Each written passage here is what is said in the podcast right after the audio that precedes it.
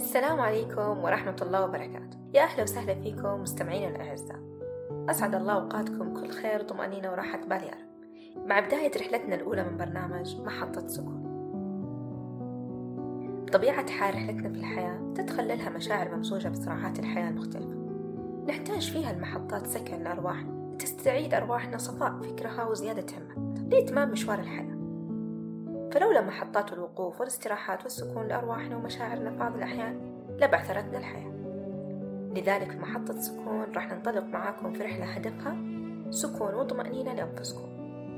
خلونا نبدأ رحلتنا سوا معايا أنا أمواج أخصائية نفسية بمركز سكون الاستشارات النفسية والأسرية.